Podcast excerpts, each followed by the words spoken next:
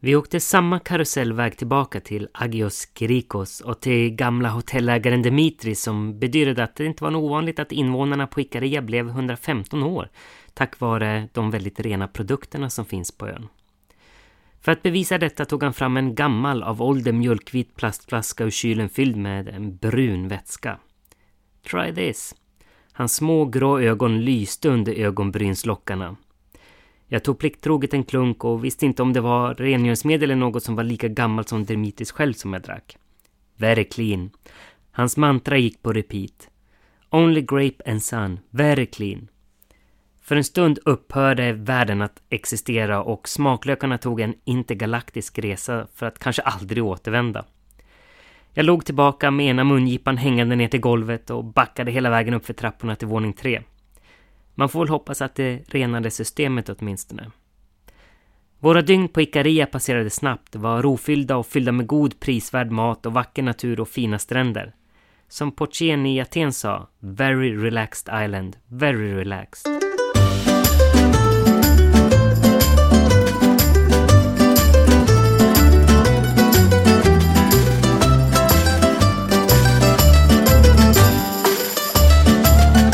Hej och varmt välkomna till podden Öluffa, din lots i den grekiska övärlden.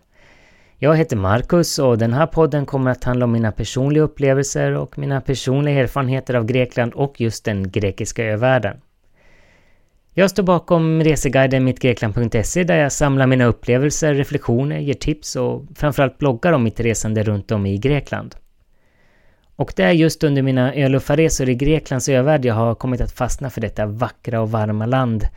Jag älskar naturen, maten, musiken men framförallt det gästvänliga folket som har tagit emot mig med öppna armar.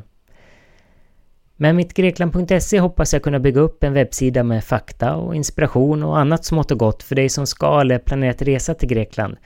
Oavsett om det är genom en öluff eller till exempel en charterresa.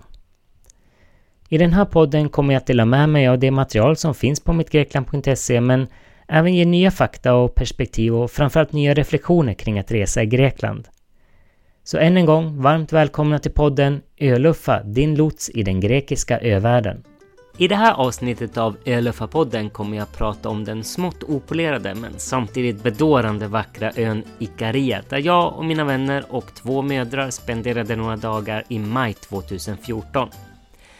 Och det var efter ett par dagar i hektiska Aten som vi landade på den lilla och nästan öde flygplatsen på Ikarias östra udde. Ikaria är cirka 255 kvadratkilometer stor och har cirka 9000 bofasta invånare som i första hand försörjer sig på jordbruk. Turismen är i sin linda, men jag skulle tro att allt fler börjar upptäcka denna katt bland de grekiska hermelinerna och i framtiden kommer nog även turismen vara en av de näringar som befolkningen försörjer sig igenom. Ikarias sydkust utgör branta bergsluttningar som stupar rakt ner i havet medan nordkusten den är mer flackare och har de finaste stränderna, i alla fall i mitt tycke. Ikarias högsta punkt, Melissa, mäter 1033 meter över havet och är en del av Athera-massivet som markerar hela ön. Mellan de här branta bergen finns både vildmark och gröna dalar med olivlundar och grönsaksodlingar och förstås några bergsbyar. Ikaria har fått sitt namn efter Ikaros som tillsammans med sin far flydde från Kreta till fastlandet genom att tillverka vingar de fäste med vax mot kroppen. Och med vingarna flög de mot tryggheten men Ikaros kom för nära solen så vaxet som band samman vingarna smälte och han störtade i havet just vid Ikaria. Och i hamnen i Agios Kirikos finns faktiskt en staty som föreställer just när han störtar rakt ner i havet. Och det var just i Agios Krikos som vi bodde när vi var på vår resa till Ikaria här för två år sedan. Och jag tror faktiskt att vi var de enda turisterna på den sidan ön just då och vi blev med stora ögon granskade av invånarna när vi rörde oss runt torget och i gränderna strax där bakom.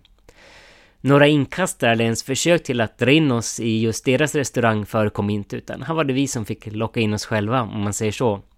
Och jag tycker faktiskt det var en rätt befriande känsla efter några dagar i Aten. Och jag kan väl säga att vi lockade in oss rätt rejält och jag tror att vi åt och fikade på precis varenda servering som finns i Agios Kirikos. Och att göra just det är verkligen ett sant nöje på Ikaria, för så god mat som vi åt där har vi inte ätit på någon Greklandsresa förut.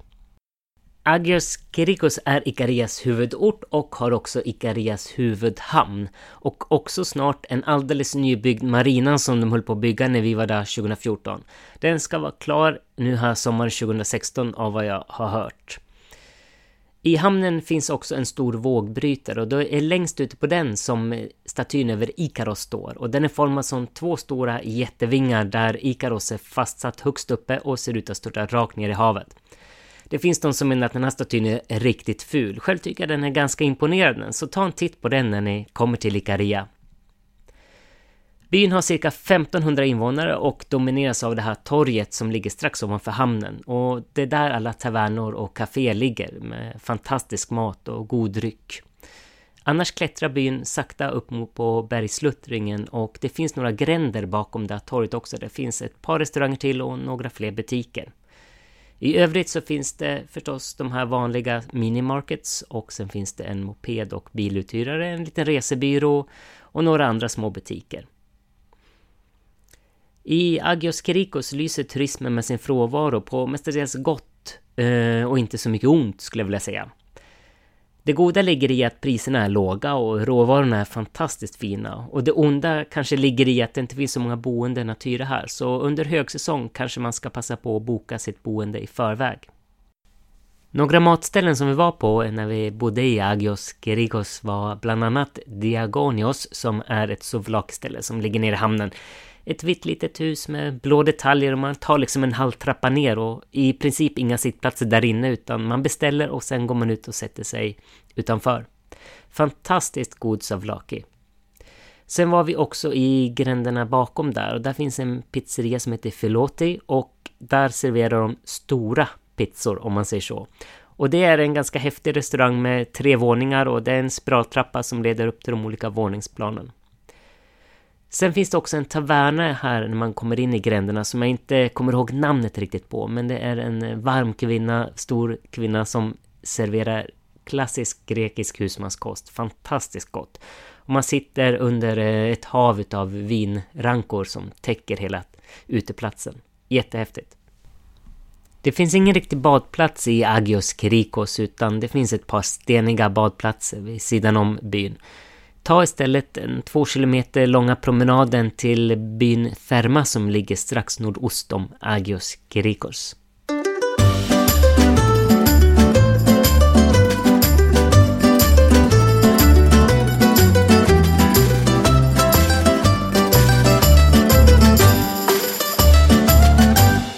Ja, Therma ligger bara ett par kilometer nordost om Agios Kirikos och är känd för sina varma och radioaktiva källor.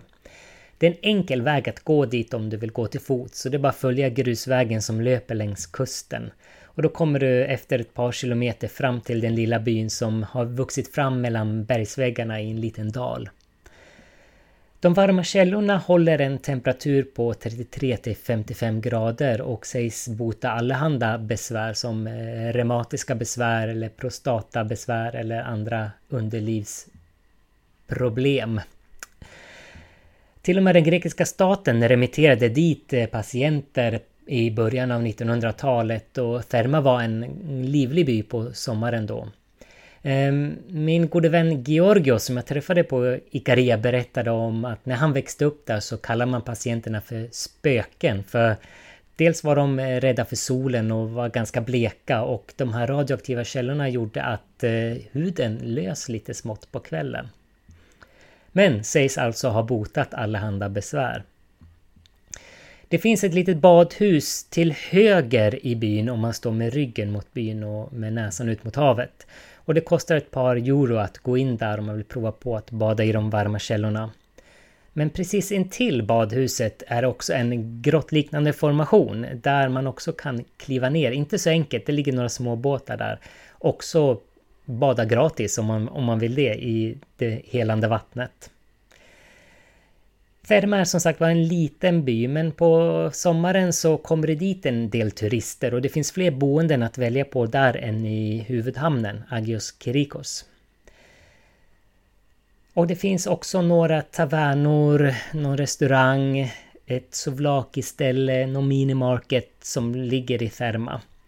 Är du där i maj som vi var så är det inte speciellt mycket som är öppet. Men däremot så kan man nyttja Ikarias stora gästfrihet och det är bara prata med de som går längs gatan och vips så har man fixat fram både kaffe och lite annat. En annan sevärdhet på Ikaria som du också kanske sett bilder på är klostret Theoskepasti som ligger ungefär mitt på Ikaria bredvid bergsbyn Pigi. Du kan endast ta dig dit norrifrån, det vill säga från den väg som löper längs nordkusten. Och när man kommer upp där uppe på berget så är det ett otroligt lugn. Det är nästan helt tyst och eh, det är väldigt märkbar plats på något sätt. Och man kan förstå att eh, man byggde klostret här. Och det har eh, anor ända från 1300-talet och var faktiskt aktivt ända fram till 1980-talet. Men det är en väldigt häftig byggnad gjord i berget kan man säga eh, och måste ses. Och vill du se bilder på det så kan du gå in på mittgrekland.se och där klickar du fram till Ikaria och vad man kan se och göra där. Bredvid klostret finns också ett litet café som eh, är öppet dagtid så du kan passa på att ta en kopp kaffe och njuta av eh, lugn och ro där uppe på berget. På Ikaria finns en rad olika byar och jag skulle rekommendera att ni gör som vi, att vi hyrde en bil och körde runt och fick uppleva några av dem. Vi besökte inte allihopa eh, långt därifrån, men några andra byar än de jag pratat om passade vi också på att besöka. Bland annat Evdelos som är den andra hamnbyn på Ikaria som ligger på nordkusten. Och den är lite mer polerad i kanterna skulle jag vilja säga än Agios Kirikos. Ehm, den är otroligt fin och den ligger i en hästskoformad bukt, som de flesta bukter är förstås, och har cirka 450 bofasta invånare. Och längs den här hamnen som ligger i den här bukten så ligger flera tavernor och restauranger och de husen som ligger där också mer så typiskt grekiska med vitt och blått. Ehm, det är i alla fall mest typiskt grekiskt för mig. Det är en fin plats och husen klättrar upp längs bergsväggarna där, liksom i de flesta andra byarna på Ikaria. Men den by som kanske flest turister hittar till när man är på Ikaria är Armenistis som också ligger på nordkusten. Och eh, där finns det flest pensionat och det byggs flera hela tiden där, så det är väl kanske där som turismen utvecklas mest. Och det ligger cirka 15 kilometer eh, väster om Evdolos. Det är lite dyrare i Armenistis och Evdolos, eh, men å andra sidan så har också tillgång till lite finare stränder etc. En aktivitet som lämpar sig alldeles utmärkt att utöva på Ikaria är att vandra. Och det är ju en av mina absoluta favoritsysselsättningar när jag reser i Grekland och bland de grekiska öarna. Jag tycker det är ett ypperligt sätt att uppleva platserna jag åker till, både på höjden uppe på bergen och nere i dalarna och längs kusterna. Ikarias varierande landskap skapar lite olika förutsättningar för vandringar där den västra delen är lite mer flack och det är också där Armenistis ligger på nordkusten. Där många av turisterna bor. Och eh, de brukar kunna ta en taxi upp på toppen och ta vandringsleden ner tillbaka mot kusten igen. Om man bor i Agios Kirikos eller Therma där eh, jag bodde så kan man vandra upp eller ta bilen upp till byn Mavrato och där gå olika leder och ner till nordkusten om man vill. Georgios och hans vän eh, som eh, kommer ifrån Ikaria brukar rensa stigar och gamla åsnestigar för oss besökare så att vi kan vandra bland annat mellan Ferma och Fanari på den ostliga sidan av Ikaria som löper längs kusten. Eh, om du då utgår från Therma så håll koll på de blå pilarna som Georgios har ritat upp. En sak som Ikaria är känd för det är alla deras byfester. De bofasta på Ikaria, de vet hur man festar och alla byar har minst en fest per år som man bjuder in till och dit många åker. Både Atenbor och Eh, gamla Ikaria-bor som har flyttat utomlands kommer hem och går på de här byfesterna. Och det finns hur många som helst. Så jag rekommenderar att ni går in på mittgrekland.se och klickar fram till Ikaria där och tittar på att se och göra så hittar ni de olika byfesterna. För att Om ni är på Ikaria när det är en fest så ska ni absolut åka dit och det kan vara upp till ett par tre tusen på de här byfesterna med musik och mat och dans. Många utav festerna är ju kopplade till religion och att man firar något helgon eller liknande.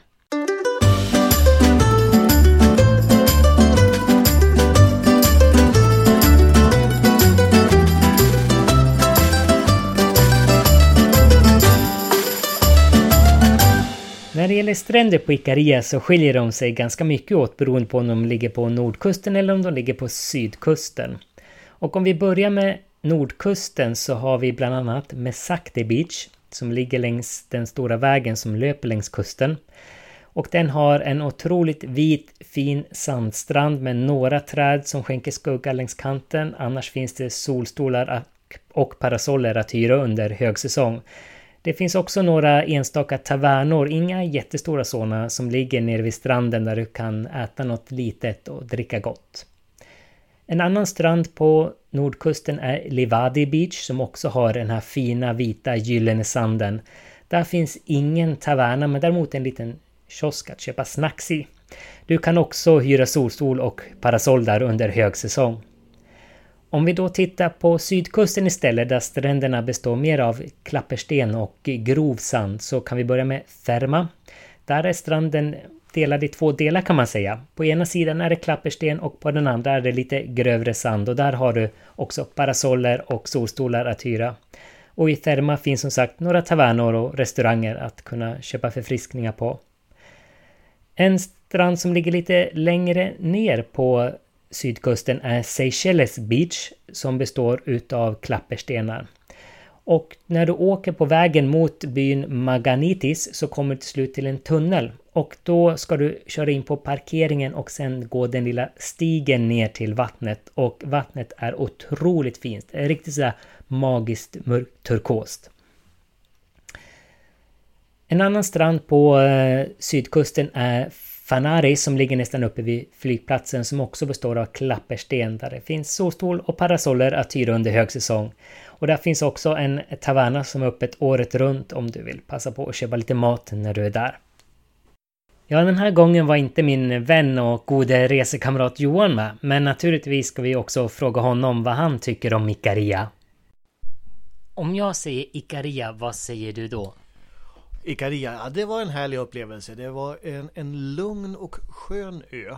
Och eh, jag tycker att människorna var väldigt trevliga. Det var väldigt bra bemötande på, på restauranger och det var god mat eh, och till ett mycket bra pris ofta. Eh, vi åkte också runt på, på ön med, med bil, lite serpentinvägar och hittade flera stränder. Fortfarande lika bra service på restauranger och annat, skulle jag vilja säga. Du, du har nämnt mat och restauranger nu här. Ehm, var det någon speciell maträtt som du fastnade extra för? Souvlaki. Ah. ah det, det fanns ju lite, lite överallt. Och eh, också väldigt, väldigt bra kvalitet och annat på. Och med lite dryck så blir ju upplevelsen bra och med eh, lite bra service så blev den ännu bättre. Och det sista som jag sa, när, när, notan kom så var den förvånansvärt låg generellt. För att det var inte så mycket turister där. Eh, min eh, spontana upplevelse av, av Ikaria är ju att det är så lugnt och skönt eh, om man nu skulle vilja slappna av. Bra. Um, du nämnde stränder. Det fanns ju lite olika typer av stränder. Ja, vi, vi fick ju lov att klättra lite grann ibland för att hitta lite, lite så strand Eh, upplevelse. Vilket också var, var, var trevligt. Och vi åkte bil till lite mer etablerad strand. Också trevligt. Men som vanligt i Grekland så är stränderna bra. Ikaria har ju två stycken hamnstäder eh, och vi åkte ju bil över till den andra i, där den andra marinan fanns. Vad tyckte du om den stan, Evdelos? Eh, så, som du vet så är jag alltid förtjust i marinorna och tittar på båtarna. Och det fanns en, en liten annan spännande naturupplevelse där. Det var ju li, lite djurliv på botten inne i marinan och kika på både fiskar och sjöborrar och annat. Um, skulle du återvända till Ikaria om du fick möjlighet? Det skulle jag. Eh, och eh, anledningen i så fall är att känna semester. Och med semester menar du? Semester som lugnt och skönt och vänligt bemötande.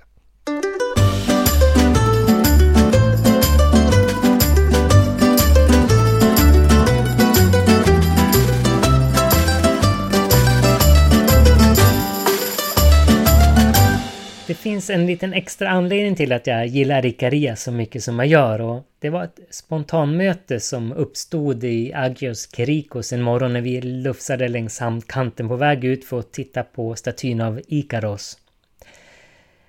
Och det är ju rätt lustigt det här med nya möten när man är ute och reser. Att vara på en viss plats vid just en viss tidpunkt samtidigt som någon annan, någon som man inte ens visste existerade.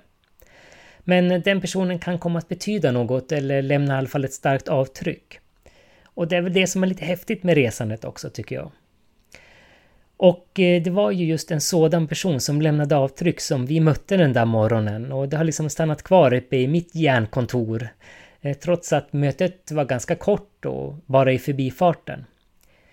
Det var Georgios Vassilaros med reservation för uttalet som kom cyklande längs vattenbrynet jämte torget i Agios Krikos. Och himlen var alldeles molnfri med den där intensiva blåa färgen som täckte himlavalvet ända ner till mötet med horisonten. Vi hade på oss våra mittgrekland.se-tröjor och strosade som sagt var sakta på de skrovliga stenplattorna i hamnen där nere. Och det visar sig att Georgios faktiskt vanligtvis bor i Sverige men på sommaren så njuter han av miljön på Ikaria i sitt hus uppe på bergsluttningen. Han var en spontan och glad person och det smittade av sig och vi fick några minuter med fantastiska tips och sevärdheter och saker att göra på den otämjda ön. Och lika snabbt som han dök upp, liksom på samma snabba sätt försvann han där på cykeln uppför bergsluttningen. Och mötet var både glatt och spontant och det stannade hos mig i flera dagar. Jag hade lite svårt att släppa tanken på mötet. Och sen att jag nästan ett år senare träffade på honom av en ren tillfällighet i Stockholm igen hade jag aldrig kunnat tro. Men den här gången då bytte vi också adressuppgifter eller kontaktuppgifter och bestämde oss för att träffas för att prata lite mer Ikaria. Och det gjorde vi faktiskt här för ett par veckor sedan. Vi träffades inne på ett café i Stockholm, eh, högt i tak och vi satt vid ett antikt gammalt bord som lutade svagt åt ena sidan och vi satt där på varsin sida och drack kaffe och åt en bulle och snackade Grekland och Ikaria. Och Georgios berättelse startade med uppväxten i Egypten dit många greker emigrerade på 40 och 50-talet. Eh, för att sedan fortsätta till Tyskland där han hade tänkt att studera men han hade en ensam bror i Sverige som han åkte upp till istället. Och trots att han växte upp i olika länder så återvände han varje sommar till Ikaria och bodde hos sin farmor som drev ett pensionat i Therma. Och det var han som berättade om de här spökena som varje år kom likbleka och rädda för solen och som blev självlysande på kvällen efter baden i de här helande källorna. Han berättar också om hur den grekiska staten just remitterade patienter dit. Och att han och hans vän numera rensar stigar så att vi besökare kan hitta de här nya vandringsvägarna. Och han tipsade också om att man eh, ska gå upp riktigt tidigt på morgonen, gärna fyra, och gå upp på berget och då ta bilder ute över Ikaria. Det är då de blir som allra vackrast. Och han tipsade om restauranger som får en att eh, längta tillbaka till Ikaria och vilja sätta tänderna i den goda maten. Och vi pratade över en timme och min känsla är att det är inte sista gången jag möter Georgios och inte sista gången jag har varit på Ikaria heller utan på något fridigt sätt har universum böjt sig vid två tillfällen och korsat våra vägar och det kommer säkert att göra det igen. Ja, hur tar man sig till Ikaria då? Jo, du kan antingen ta färjan från Pireus strax utanför Aten eller från Samos som är Ikarias granne i öst. Ikaria tillhör de nordöstra Egeiska öarna där just Samos och Chios och Lesbos ingår för att nämna några. Men du kan också ta inrikesflyget från Aten. Flygplatsen på Ikaria ligger på ostspetsen och kräver sin transport in till någon av orterna på ön. Om du väljer att ta färjan så kommer du antingen till huvudhamnen i Agios Krikos på sydkusten eller så kommer du till Evdelos på nordkusten. Olika färjor lägger till i de olika hamnarna eller vid båda två. Utanför säsong kan det vara lite knepigt att ta sig till Ikaria med just eh, färjorna. Men titta i så fall på inrikesflyget. Det var allt vad Öluffa-podden hade att bjuda på den här gången. Och i nästa avsnitt som kommer om cirka två veckor kommer jag prata mer om reseplanering och det njutbara i att göra det. Så tills dess, på återhörande, ha det bra!